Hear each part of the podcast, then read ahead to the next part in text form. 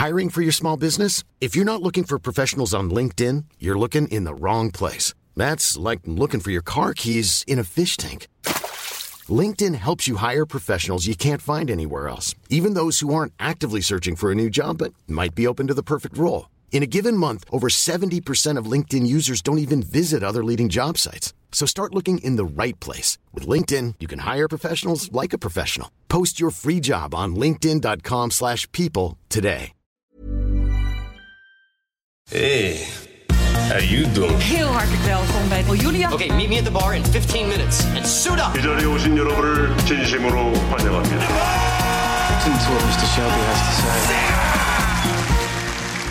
We zijn er weer, Content Wars, je favoriete podcast over de wereld achter de content. Tegenover mij de man die format ontwikkelen elke week in podcastvorm naar je toe brengt, die ons meeneemt in de gekke tv-wereld en eh, gratis tips met ons deelt, Kirstian van Nieuwhuizen. Hij is de man achter programma's als That's the Question, TV-makelaar, Singletown en hij zat in het team dat Big Brother ontwikkelde. Heb jij er de zin in vandaag? Ja, altijd eh, Jelle, met jou wel. Goed zo. Mijn naam is Jelle Maasbach en deze aflevering gaan we het hebben over de problemen bij de televisiezenders. De een wat groter dan de ander, maar toch, er zijn kopzorgen. Ik noem een eh, NPO met een real-life soap van Old J en Ruud dat totaal niet loopt. Alles is muziek, dat was alles behalve een eh, succes. Show op RTL 4 dat van de zaterdagavond gaat. En bij SBS zijn er veel, maar de meest in het oog springende is nog steeds het geflopte Everstars. We gaan het kortom hebben over de problemen waar de zenders mee kampen. Ja, ik denk dat het, het, het grote probleem is eigenlijk wat alle zenders hebben waar wij het nu over hebben. Dus de drie grootste is de vergrijzing. En dat ga ik straks even uitleggen wat het probleem daarvan is. Maar ehm, daar lopen ze allemaal tegenaan en daar ploeteren ze allemaal heel hard tegen. Eh, wat kunnen we eraan doen? En eh, dat lukt niet altijd. Meer baby's maken. Eh, dat moeten wij sowieso doen, maar... Daar heb jij al Ja. eh, aan gehouden. Eh, eh, ik heb er twee Ja. kunnen maken, maar ehm, nee, de zenders hebben grote problemen om, om jongere kijkers te trekken. En dat zie je dus in, in de nieuwe programma's die eigenlijk allemaal of bijna allemaal mislukken. Laten we dan beginnen met de NPO. Want bij de NPO heb jij wel eens gegrapt. Bij NPO 1 eh, is de kijker eh, nog net niet dood, zeg maar. Die, die kijkers die zijn eh, redelijk op leeftijd. Ja, NPO heeft de oudste kijkers, gemiddeld 60 zijn ze. Als je daar tegenover de andere zenders zet, dan zijn die ook oud. Want zelfs RTL 4, de gemiddelde leeftijd van de RTL 4-kijker is 53. En van NPO 3 bijvoorbeeld, die Mhm. gaan we dan nu niet benoemen, maar 48. Dus het zijn allemaal oude kijkers. Allemaal, bijna allemaal 50-plussers. SBS, eh, eh, SBS 6, 55. Eh, dus het zijn allemaal oude mensen, eh, of oude mensen. Het zijn, eh, dat is het grote probleem. Ze proberen gewoon die wat jongere kijker te trekken. Eh, en dat probeert NPO dus ook. Remco van Westerlo probeert echt wel in zijn programmering te kijken hoe kunnen we iets jonger proberen te vangen. En dat is lastig, want aan de ene kant eh, hebben ze die oudere kijker. eh, die kijkt allemaal, eh, of die kijkt echt wel heel goed NPO 1. En NPO 1 is natuurlijk nog steeds de best bekeken kijk, zender. Maar ze proberen wel met die programmering wat, wat jonger te vangen. En dat is gewoon heel lastig Ja. om daar een soort balans in te vinden. Daarnaast heeft NPO 1 ook het probleem dat ze toch wel een beetje maatschappelijk verantwoorde programma's moeten programmeren. Dat is nu nog meer dan vroeger. Vroeger konden ze daar nog wel een beetje in smokkelen. Had je nog wel programma's waarvan je dacht van wat is daar maatschappelijk aan? Ja. Eh, nu merk je wel dat ze daar steeds meer zich aan moeten houden. Dus echt puur entertainment is gewoon lastig.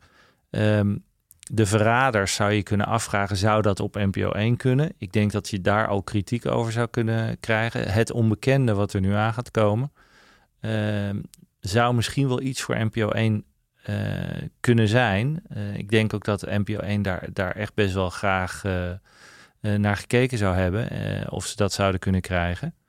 Ehm, maar ook daar is de discussie, ja, is dat nou, wat is daar nou maatschappelijk aan? Aan de andere kant lijkt het ook wel weer een beetje op wie is de mol. Ja, dus eh, ze moeten van alles proberen eh, om ja, eruit te komen. Maar jij zegt dus het grootste probleem vooral bij de NPO is de oudere kijker. Ja, nou ja, er zijn, er zijn natuurlijk wel meer problemen. Je merkt dat heel veel programma's zijn eh, van NPO 1 afgehaald omdat ze te, oud, te oude kijkers hadden. Ook hele succesvol. Ze zijn allemaal naar NPO 2 gegaan, Opsporing Verzocht, Radar, allemaal dat soort programma's. Die scoren eigenlijk nog heel goed bij NPO 2. Ehm, maar je ziet dat bijvoorbeeld zo'n Freek Vonk, eh, maar ook Ruud en Olje, waar jij het over had, Ja. die is natuurlijk op één geprogrammeerd in de hoop dat je daar een wat jongere kijker mee trekt. Nou ja, dat werkt niet. Dat blijkt wel. Eh Freek Vonk deed het nog, doet het nog redelijk, deed het nog redelijk, maar daar ook was de kritiek op van het is eigenlijk een te jong programma. Het moet eigenlijk naar NPO 3. Daar is het dan weer te duur voor om het op NPO 3 te zetten. En Ruud en Olje valt er een beetje tussenin. Hè? Dat is een programma wat eigenlijk die jongeren niet echt aanspreekt. Ruud en Olje zijn allebei mensen die jongeren weinig zeggen. Ze zijn zelf ook niet meer echt heel jong. nee, toch? zijn zij zelf natuurlijk. Ruud is gewoon 50 gepasseerd en Olje gaat volgens mij is Rond de 40. Rond de 40, ja. Eh, dus ze zijn te oud om jongeren echt aan te spreken. Ook te weinig karakteristiek om jongeren of sowieso een kijker aan te spreken. En voor de oudere kijker zegt het ook niet zoveel. Dus dat is eh, de lastigheid. Nou ja, dan merk je, ze hebben nu wat geprobeerd in de vooravond met Nadia natuurlijk. Eh, ook dat is lastig. Ik, ik denk dat de vooravond in zo, op zo'n druk tijdstip, als mensen met van alles bezig zijn, de kinderen zijn nog wakker, dat je een programma wil waar je niet een hele lange aandachtspannen voor nodig hebt. Dus dat je daar merk je dat bij de Wereld Draait Door of bij de vooravond of bij eh Sofie en Galit allemaal kortere items zijn van Ja. een minuut of vijf, zes, zeven. Zodat je dan eventjes kijkt en ondertussen ben je aan het koken of met de kinderen bezig. Dat zie je bij Nadja. Werkt dat ook niet Nee. zo goed, vind ik. En eh, nou, je haalt net talkshows aan, zoals een, een Galita Sofie. Dat is echt op de actualiteit gericht. Ik zag bij Nadia, dan zijn ze onderwerpen aan het opnemen. Die worden dan twee weken later een keer uitgezonden. Ja, dus dat is ook. Ik, ja, ik denk dat de kijker daar niet eh, op zit te wachten Nee. om. eh Van die, om zijn een beetje van die agenda-itempjes Ja. allemaal. Dus dat is lastig. Kijk, aan de andere kant vind ik het altijd goed dat ze iets proberen. Hè? Dat ze iets anders proberen dan weer een soort van talkshow à la Mhm. Sofie en Galit. Ehm, dat hebben ze natuurlijk jarenlang gedaan. Ook met, eh, met M en nou ja, de vooravond. eh, allemaal na de wereld draait door van alles geprobeerd. Maar eigenlijk in hetzelfde straatje. Mhm. Dus dat ze nu iets anders proberen is op zich goed. Maar ja, het lijkt niet echt heel erg aan te slaan. Al zijn de kij- kijkerscijfers rond de 400.000 voor NPO 1 niet super slecht. Ik bedoel, dat is wat eh, de talkshows op, op 1 ook wel eens scoorden. Maar ja, goed, ze moeten natuurlijk wel eh, de ruim over de 500.000 eigenlijk halen. Anders blijft ze niet heel lang op de buis. Lijkt me. Anders denk ik dat er niet heel veel seizoenen komen. Aan de andere kant merk je dat bij Sofie en Galiet, waar heel veel kritiek was, ze het toch hebben doorgezet. En dat is uiteindelijk omhoog gegaan. Maar ja, het lastige voor NPO 1 blijft gewoon, eh, wat, wat kunnen we programmeren wat die jongeren kijken? Kijk, als je kijkt wat er wel scoort, eh, wat nieuw is, dan, eh, dan hebben we het over het Hoge Noorden met Dionne Staks, die, Ja. die eindelijk eh, echt wel heel veel succesvolle programma's presenteert in één keer. Ehm, eh, niet klein te krijgen. Met Paul de Leeuw doet het zeker ook in, in uitgesteld kijken best heel goed. Maar dat zijn geen programma's waar echt jongere kijkers naar kijken. Nee. Ook dat spreekt waarschijnlijk die, die 60-jarige kijker van NPO eh, 1 vooral aan. Dus daarmee eh, ga je het in de toekomst niet redden. En dat is, ik denk dat dat het grootste probleem is bij NPO 1. Ze zoeken natuurlijk ook veel nog voor, de, voor het weekend om echt familie te programmeren en iets te vinden waar, waar heel de familie naar kijkt. Dat hebben ze dus geprobeerd met Freek. Nou ja, dat, dat leek niet echt te werken. Het enige wat het natuurlijk nog steeds fantastisch doet bij de hele familie is even tot hier. Wat natuurlijk gewoon nog steeds een van de beste programma's Ja. is op de buis op dit moment. Maar zelfs al vind je een programma dat jongeren aanspreekt en je programmeert het op NPO 1, ga je die dan ook naar die ouderwetse tv-zenders eh, toetrekken? Nee, kijk, dat is het dilemma waar, waar NPO 1 mee zit. Dus aan de ene kant is die kijker heel oud, eh, of heel oud. Aan de oude kant, de oudste kijker van, de, van alle zenders. Eh, dus hoe vind je iets wat zowel die oude kijker als ook wel die jongeren erbij trekt? Nou, even tot hier lukt dat Ja, heel goed. ja. Eh, dus ze zouden meer, dit was het nieuws. Dat zijn ook programma's die Ook knap hè, dat dat Ja. zo lang al meegaat. en die blijft het goed doen. Dus ik, ze zouden eerder in die hoek moeten proberen te zoeken. Ze hebben natuurlijk in het verleden ook wel hè, eh, chocolade. eh, Nou ja, kijk maar. Dat zijn allemaal shows geweest die geprobeerd hebben. Kunnen we iets met die familie? En dat is, is natuurlijk erg mislukt toen.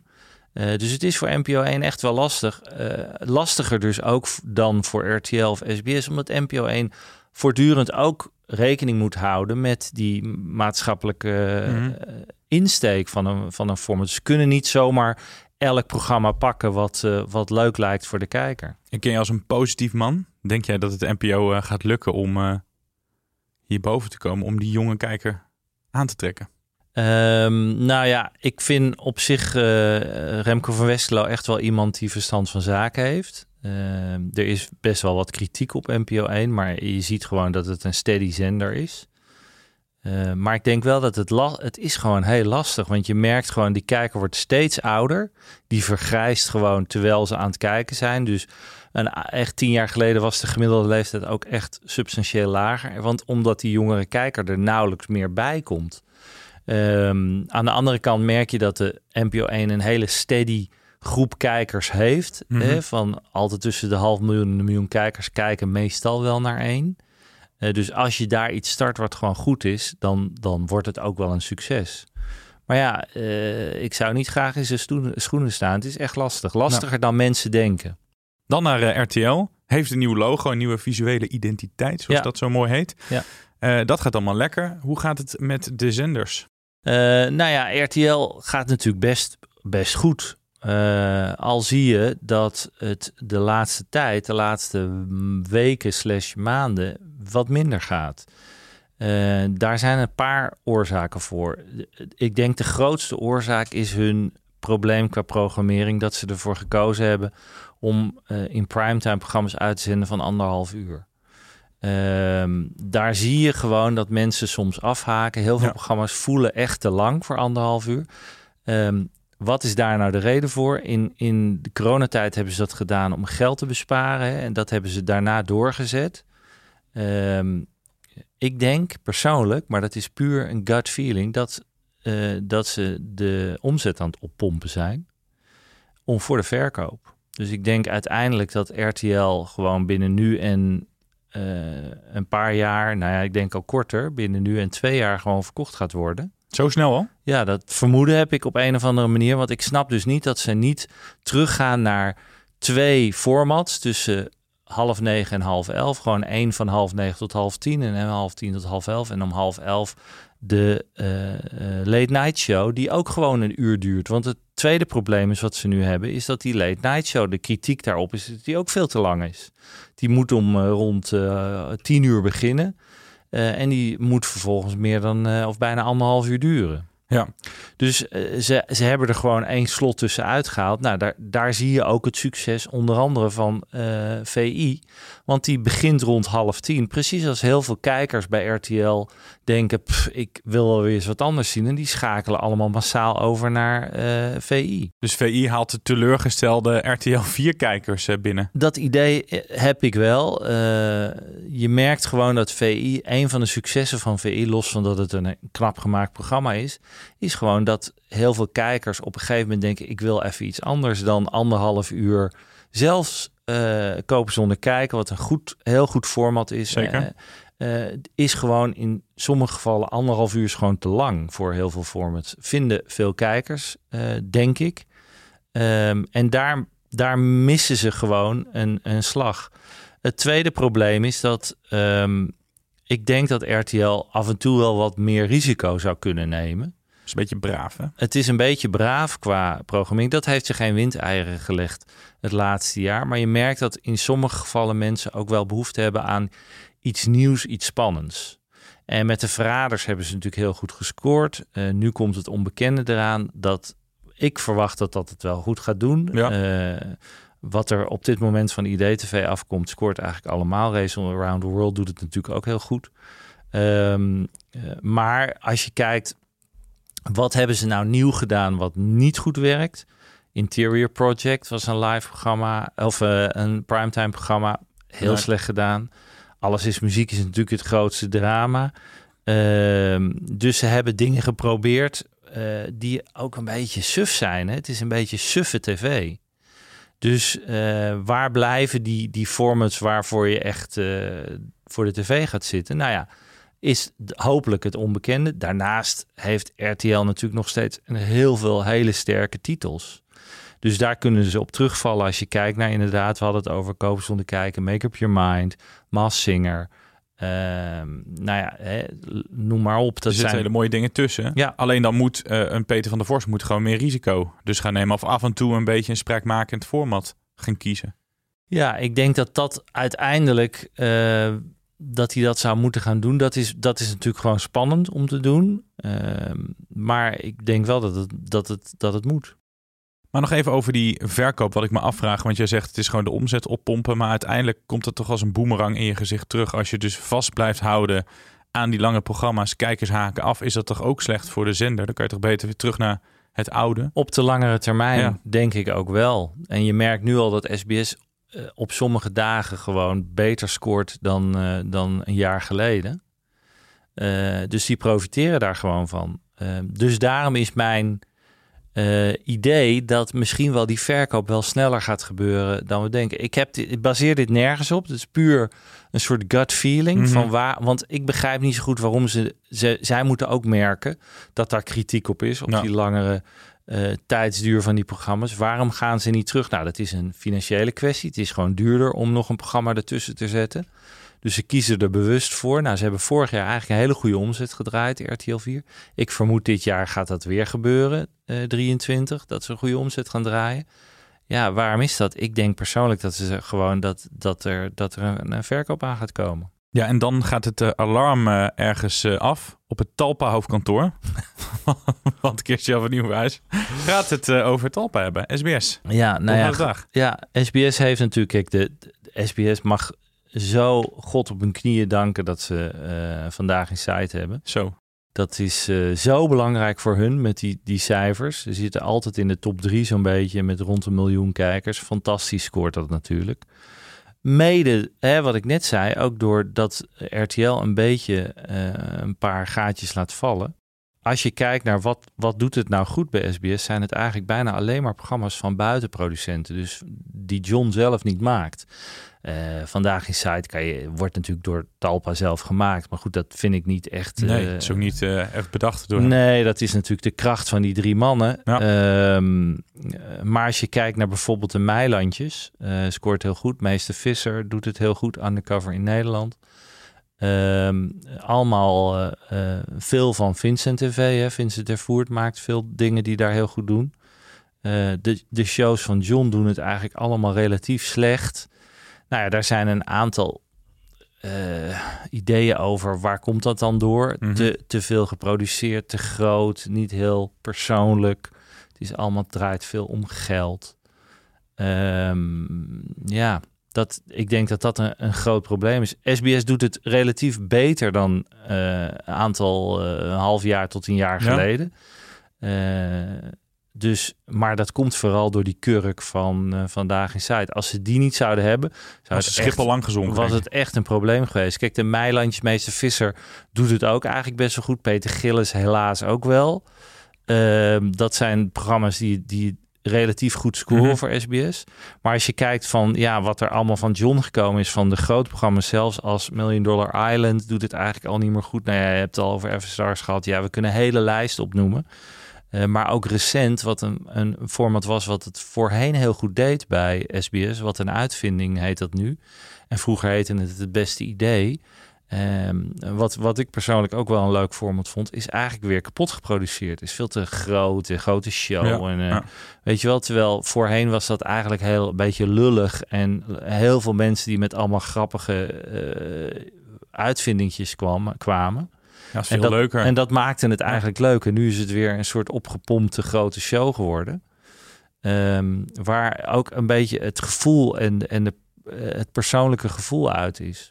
Maar het voordeel is dus, het licht in de duisternis voor SBS, dat het wel beter gaat dan de vorige keer dat we het over ze hadden. Dus er is wat verbetering, maar dat is dan voornamelijk door vandaag in site. Tour Vandaag in Site is de, echt wel de kurk. Nou ja, de, wat ik net zei, eh, de- de- een aantal dingen, vooral van Vincent TV. Dus daar mag eh, Talpa ook eh, echt wel blij mee zijn dat Vincent TV met die formats komt. Het is wel een beetje risicovol natuurlijk dat je één producent hebt die het heel goed doet. Mhm. En daarnaast, en, en dat de grote gangmaker bij, bij SBS of de, de, de, de baas, zou ik maar zeggen, zelf eh, niet echt eh, meer de touch heeft met zijn programma's. Dat, is, dat vind ik, zou ik een groot probleem vinden. Dat je merkt dat heel veel dingen die John op het moment op de buis brengt, gewoon niet eh, de kijker weten te, te raken. We gaan zo meteen naar onze grote vriendin, Lisette. Maar nog even een soort van ja, eindconclusie. We hebben het gehad over de steeds ouder wordende kijker. Over de jongeren die misschien de zenders niet weten te vinden. Over een zenderbaas die zijn eigen producties de deur probeert te drukken. Wat dan niet aanslaat. Of een andere ja, zenderbaas die weer te braaf is. Ehm, er is niet misschien één conclusie op te plakken. Maar ben jij toch nog optimistisch over die tv-problemen en dat ze goed komen? Nou, ik maak me er relatief wel wat zorgen over. Want als je, we hadden het net heel even over NPO 3 gemiddelde leeftijd 48. Uh, maar als je kijkt, NPO 3 gaat best wel slecht. Uh, heel veel programma's mislukken op NPO 3. Grote producties die daar uh, worden neergezet, scoren ook niet. Als je kijkt naar Arcadia en wat meer scripted dingen, doen het over het algemeen best wel, hebben het gewoon moeilijk op NPO 3. Um, dus ja, hoe krijg je die jonge kijker? Ik denk dat iedereen bij zeker NPO, maar ook bij de, de, de RTL's en de SBS maken zich gewoon zorgen van hoe kunnen we nou die jonge kijker uh, pakken? Onder de 30, zullen maar zeggen, misschien wel onder de 35. Eh, los van dat ze allemaal naar streamers gaan. Dus daar, RTL heeft daardoor Videoland. Nou ja, NPO heeft NPO Plus. Dat, die doet dat redelijk goed. Uh, wat ik ook weet met sommige programma's. Um, maar ja, ik, zou, ja, ik vind het wel een probleem. Dat je, hoe, hoe krijg je die jongere kijker echt als, als substantiële kijker? Er wordt wel eens gezegd van ja, als ze ouder worden, gaan ze uiteindelijk toch wel weer tv kijken. Nou, die, dat weet ik dus niet. Ik weet niet of je mensen die tot hun 35ste nooit echt lineair tv hebben gekeken, uiteindelijk dan weer wel tv gaan kijken. Dus ja, uh, kijk, voorlopig gaat dit nog wel even door. Maar laten we zeggen, binnen vijf tot tien jaar gaan we toch wel, denk ik, uh, moeten we echt wel gaan kijken van hoe kunnen we die, die, die problemen gaan oplossen. Ja, goede streamers ook bouwen. Videoland heeft dat goed begrepen. NPO Plus uh, nog niet helemaal. Nou ja, NPO Plus is vooral technisch natuurlijk. Daar hebben we soms wat kritiek op, maar er, er lopen echt wel mooie programma's. Zeker. Ik had laatst had ik die tip van 1985. Mensen gaan kijken, prachtige serie. Belgische serie gaat binnenkort beginnen bij de VPRO overigens. Dus je kan er ook, als je NPO Plus niet hebt, kan je het gaan kijken. Uh, er zit echt wel heel veel moois bij de NPO. Um, uh, dus en ik, dus ik, ik heb een warm hart voor de NPO. Maar um, ja, ik denk dat ze allemaal heel veel vergaderingen gaan hebben van jongens, hoe krijgen we die jongere kijker? En dan gaan we nu naar onze grote vriendin. Zou het hier werken? Lisette van Diepen. Ja, de lat ligt hoog hè, voor haar, Christian. Ja, ze had vorige week echt iets hilarisch meegenomen. Waar we je blote kont uh, door de straat moest rennen. Nu al hopen dat het gekocht is door... Uh, Ik hoop het, ja. Dat ze bij mensen te luisteren. Ja, ja. ja. Hey, oh, ah, ja, dat waren vergeten vorige week te vragen. Ja. goed. Voor de mensen die daar niet kennen, dat kan bijna niet. Maar Lisette van Diepen, aankoopmakelaar, vriendin van de show. Wat heb je deze week voor ons meegenomen? Vandaag is het thema de grote duisternis. Oh. Formats die worden opgenomen in het donker. Uh, ik heb er twee en dan gaan jullie maar kiezen waar je het over wil hebben. Maar ooit, heel lang geleden, kocht ik uit Engeland een titel uh, In the Dark with Julian Clary. Heel leuk. Heel leuk. Dat, dat werd het grootste, eerste entertainment format dat in het donker werd opgenomen. Dat werd dus een hype en ik moest natuurlijk achteraan en ik heb het uiteindelijk voor Animal kunnen kopen. Dat werd in Engeland uiteindelijk één pilot met die Julian Clary. En in Amerika is er wel een hele serie opgenomen. Maar vlak voordat die eerste uitzending kwam, ik geloof zes uur van tevoren, hebben ze toch de stekker eruit gehaald. Want ze vonden het toch te spannend. Ja. Was ook direct het einde van de uh, gedroomde carrière van die Julian Clary in Amerika. Want die zou het zelf gaan, of die ging het zelf presenteren. Een hele leuke presentator. Ja, absoluut. Heel grappig. Ja. Heel grappig. Dus dat was best een heel uh, ja, ook pijnlijk dingetje. Maar ja, de, de techniek is natuurlijk volledig verbeterd. Dus um, ze gaan het nu weer proberen. En ik heb twee dingen meegenomen. De eerste heet Sex in the Dark. Want seks leent zich natuurlijk supergoed voor dit uh, onderwerp. Ja, en Kirsten zit al heel lang te wachten op dat Sex First uit Amerika. Ja. Maar deze wordt denk ik ook wel heel spannend. Want dit is voor de Amerikanen een groot radicaal experiment. Het gaat lopen op Peacock, de streamer van NBC Universal. En we nemen één kandidaat en die doorstaat over een aantal afleveringen uh, allerlei intimacy tests, zoals ze dat noemen.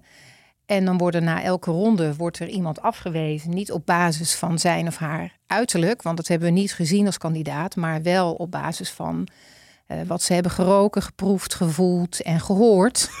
en eh, de laatste eh, ronde is de hele nacht met één kandidaat. Dus het is uiteindelijk een datingshow om te kijken hoe, wie past er het best bij mij op basis van alles behalve het uiterlijk. En hoe, hoe zie je dat als kijker? Zie je, wordt er met zo'n infrarood? dat wordt heel spannend, denk ik. Dat moet allemaal infrarood. Hoe dat er uiteindelijk uit gaat zien voor ons en wat we te zien krijgen. Maar ik vind dit voor Amerikaanse begrippen natuurlijk een heel spannend format. Ja, ja.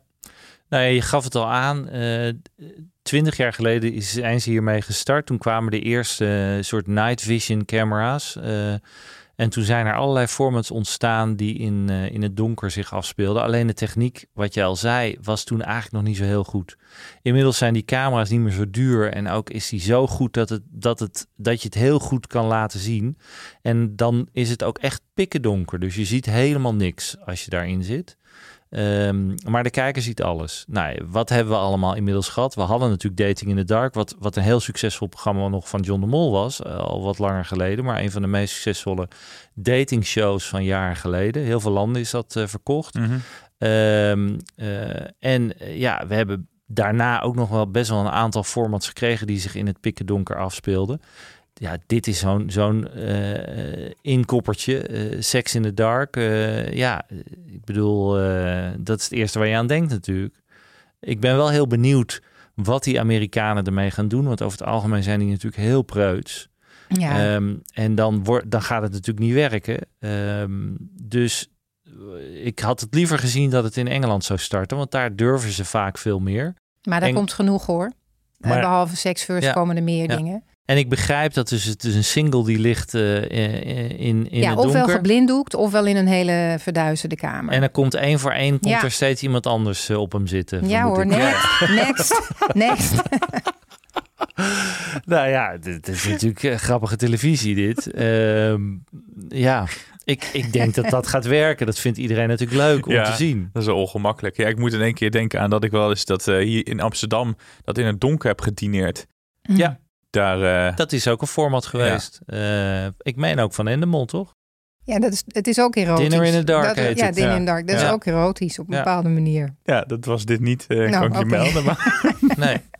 Nou ja, goed, dit gaat, dit gaat natuurlijk gewoon werken. Dus daar, daar, nou daar... Kijk, we gaan sowieso met z'n allen kijken naar de Amerikaanse versie, als dat wat is. En maar dan hopen zien we dat wel... de Amerikanen het een beetje goed maken. Dan. Ja. ja, en dating blijft natuurlijk hot. Uh, het is niet een heel origineel format, laten we eerlijk zijn. Het is het eerste waar je aan denkt. Um, de vraag is, waar, gaat dit, waar zou dit in Nederland kunnen gaan lopen? Ik denk niet zo heel snel bij de publieke. Ik denk niet dat ze hun vingers aan gaan branden. Het is een beetje recht toe, recht aan. Dat was wel iets voor het vroegere RTL 5 of zo geweest. Ja, wat het nu niet meer is, maar... Kijk, het zou mij niet verbazen als John zijn eigen versie ervan gaat maken. Want John is natuurlijk iemand die al meerdere dingen heeft gedaan uh, in de dark. Dus dan kan je dit ook heel snel... Die heeft de expertise. Die heeft de expertise. Mm. De vraag is, kan je dit echt vastleggen? Hè? Kan je formateren van mm -hmm. dat je geen dating in de dark... Hij heeft het al gedaan, dating in de dark. De producent in Amerika is wel een hele solide producent. Dus ik denk wel dat uh, die slim genoeg is en er wat formatelementen in gaat gooien... waardoor het te beschermen zal zijn. Ja, nou ja, daar zijn we benieuwd naar wat dat dan gaat worden. Want het geven van we gaan een beetje seksuele dingen doen in de dark, kan je natuurlijk niet vastleggen. Dus uh, als het een succes is in Amerika, zou het mij niet verwonderen als we een uh, spin-off, rip-off uh, bij SBS gaan en krijgen. En nu hebben we heel lang weer gepraat over seks. Dat ligt waarschijnlijk weer aan Kirsten Jan, maar ik heb er nog een meegenomen. Is nog er nog een? tijd Kom voor, maar door. voor, voor oh. de volgende? Ja, hoor. ja, want in Engeland is in april gelanceerd op Channel 4 Scared of the Dark. Soort Big Brother in het donker, waarin acht celebrities in een volledig verduisterde hangar een week lang met elkaar op moeten trekken en allerlei uh, spelletjes en uh, dingen moeten doen uh, waarbij ze hun grootste angsten moeten overwinnen en ook gewoon met elkaar moeten samenleven. Daar heb ik de eerste aflevering van gezien. Er zijn vijf afleveringen achter elkaar in één week uitgezonden op Channel 4. Ja, dat was ook weer super goed gecast. Hè? Paul Gascoigne zit erin, de ex-voetballer. En Chris Eubank, de ex-boxer. En dan een paar meisjes uit Love Island, geloof ik. En dan uh, twee comedians, waarvan er één blind is. dat werd ook weer hele leuke televisie. En daar heb ik inderdaad gezien dat die techniek zo veranderd is. Dat zij zitten echt in het volledige stikke donker. En uh, wij als kijker zien gewoon eigenlijk een heel prettig beeld. Wel Nou. zwart-wit natuurlijk. Ze hebben er hele leuke effecten in gedaan. Er zit muziek op. Ook daar weer een combinatie van humor en spanning. En er zitten echt wel mensen met grote fobia's. Maar eh, het is gewoon een heel leuk evenement eigenlijk... om voor een week lang te kijken naar ja, mensen in het donker. En wat moeten ze doen? Nou ja, ze moeten bijvoorbeeld eerst hun eigen spullen weten te vinden. Want er zijn vijf eh, items uit hun tas die ze hebben meegenomen op verschillende pilaren gezet. En om ze te laten wennen aan hoe donker het is, worden ze de eerste paar minuten gewoon in een kamer gegooid. Ga je eigen spullen maar zoeken binnen drie minuten, anders krijg je die niet mee. Nou, vervolgens worden ze die grote hangaarruimte ingestuurd en dan nou, krijgen ze. Ga, ga je eten maar zoeken, ga het toilet maar zoeken. Ja, en uiteindelijk worden ze ook aan touwen gehangen. Ze moeten allerlei rare spelletjes doen. Weet je? Het is een combinatie van serieus, voor, eh, om, om te kijken hoe ze reageren op belangrijke angsten die ze hebben. En het is gewoon grappig, de lullige spelletjes. En voor ze ons. zitten daar, ze hebben daar vijf dagen en nachten Zeven, ja. Ze- Een week lang. Ja, in en er zijn mensen die. Eh, in Engeland is er ook eh I'm a Celebrity Get Me Out of Here, is ook ITV. Ja. En dan is de, de belangrijke zin daar als een celebrity echt niet meer verder wilde van eh I'm a Celebrity Get Me Out of Here. En dat thema is hier ook weer. Als een celebrity het niet trekt, moeten ze keihard roepen I'm scared of the dark. En dan worden ze eruit gehaald. Ja. Lijkt me wel verschrikkelijk om zo lang in het donker te zitten. Ja, dat is wel heftig, denk Ja. ik ook. Ehm, ik twijfel al een beetje hoor of dit hem gaat worden. Kijk, bij die seks snap ik, want dat Ja. is natuurlijk gewoon, vinden mensen toch spannender om te zien. Dit is een, ja, wat flauwer hè, van eh, we gaan spelletjes doen en we gaan Ja. in het donker. Ik snap best dat het leuke tv op kan leveren. Ik vraag me wel af of het leuk blijft, of dat het op een gegeven moment, of het niet saai wordt om mensen gewoon in het donker te zien ploeteren. Andere Eh, lijkt me ook leuk of zo om naar te kijken. Op een of andere manier. Hoe heeft het het gedaan eigenlijk? Ja, goed. Het was, eh, qua cijfers is het goed gegaan. En het is echt wel een combinatie van lullige spelletjes. Maar er wordt, wordt ook echt wel ingezoomd op. En want die Paul Gascoigne bijvoorbeeld, die is zo ontzettend bang. Die slaapt thuis gewoon met de lampen aan. Ja, voor hem is dit gewoon een veldslag. Oh, ja. En zo zitten er nog wat Wat mensen heftig. bij. Dus het is echt wel een goede combinatie van leuk en lollig en serieus. Ja, nou, kijk, ik denk dat dat therapeutische van een week Precies, lang in zit het ook een donker psycholoog bij. is natuurlijk wel spannend. Eh, ik weet dat er lang eh, bij een aantal producenten eh, geprobeerd hebben om iets te doen met stilte retreats. Ja. Hè, wat natuurlijk ook, heb je waarschijnlijk Hm. ook wel zien langskomen, format. Het lastige is, hoe maak je televisie van Precies, stilte? ja. Dat je niemand wat mag zeggen. Maar dat, ook dat is heftig. Hè? Als je een week helemaal niet mag praten, wat dat met, doet met de mensen. Dus een week in het pikken donker is echt heftig, denk ik. Dus dat zou nog wel iets kunnen zijn. Eh, casting, zeg je al, is heel essentieel hier. En dat is in Nederland nog wel eens een probleem. Eh, om, om echt leuke mensen te vinden waar je een week naar wil kijken. Dus ik twijfel over deze laatste. Ik zeg niet... eh, en gelukkig. ja, Ja, dus, ik ook. Gelukkig. De eerste was een schot in de roos. ja, eerst als het dat- seks is, dan ja. is het altijd... Nou, Dan hoef is ik ook dat geen goed. flop meer Dan mee te nemen. Hoef ik ook geen flop meer mee te nemen. Maar deze laatste, eh, sowieso, waar gaat het lopen? NPO gaat dit niet doen, denk ik. Eh, maar goed, SBS, ook daar eh, zou hier zomaar weer eens een eh, versie van spin-off van kunnen maken. RTL, nou ja, misschien RTL zou ook nog wel iets kunnen zijn natuurlijk. Ik Dus- vond het thema wel leuk. Dus hè, over de duisternis door het zonnetje in huis. Hoe mooi is dat? Wat lief van jou. Dankjewel dat je er was. Tot Lisette van snel, Diepen. Tot snel. Ja, dat was weer leuk met Lisette. Eh, jij sluit altijd af met een tip. Net had je het al over eh, dat programma wat eh, op NPO Plus stond. Maar heb je weer wat ja, nieuws nou ja, meegenomen? 1985 heb ik al getipt, hè. Dus, ehm, eh, nou ja, ik ga toch het onbekende tippen. Is vorige week natuurlijk begonnen. Ja. Eh, is een nieuw format, Nederlands format. Ehm, en wij tippen natuurlijk vaak series hier en van streamers. Dus dit is wel weer een dingetje wat internationaal kan gaan. Ehm, eerste aflevering vond ik al echt wel goed. Ehm, dus En Renze kan zich eh, revancheren. ja, die mag, mag zich wel een beetje revanceren. Want met zijn talkshow vind ik hem echt een beetje te, te mild.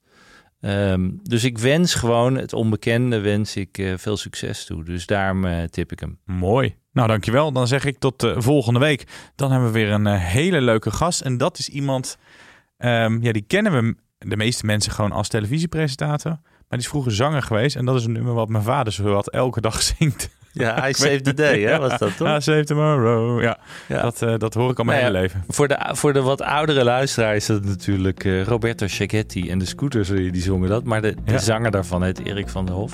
Heel veel zin in. Uh, ja, hele leuke vent. En uh, heel divers. Dus niet alleen een zanger, maar hij heeft ook nog een, hij heeft ook nog een biermerk met zijn zoon. Ja, super tof. Ja, dus, Ik hoop dat hij bier meebrengt. Tot volgende week.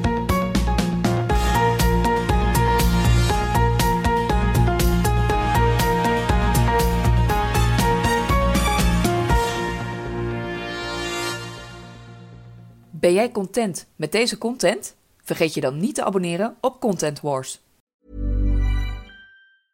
Mom deserves the best, and there's no better place to shop for Mother's Day than Whole Foods Market. They're your destination for unbeatable savings, from premium gifts to show-stopping flowers and irresistible desserts. Start by saving 33% with Prime on all body care and candles. Then get a 15-stem bunch of tulips for just $9.99 each with Prime. Round out Mom's menu with festive rosé, irresistible berry chantilly cake, and more special treats. Come celebrate Mother's Day at Whole Foods Market.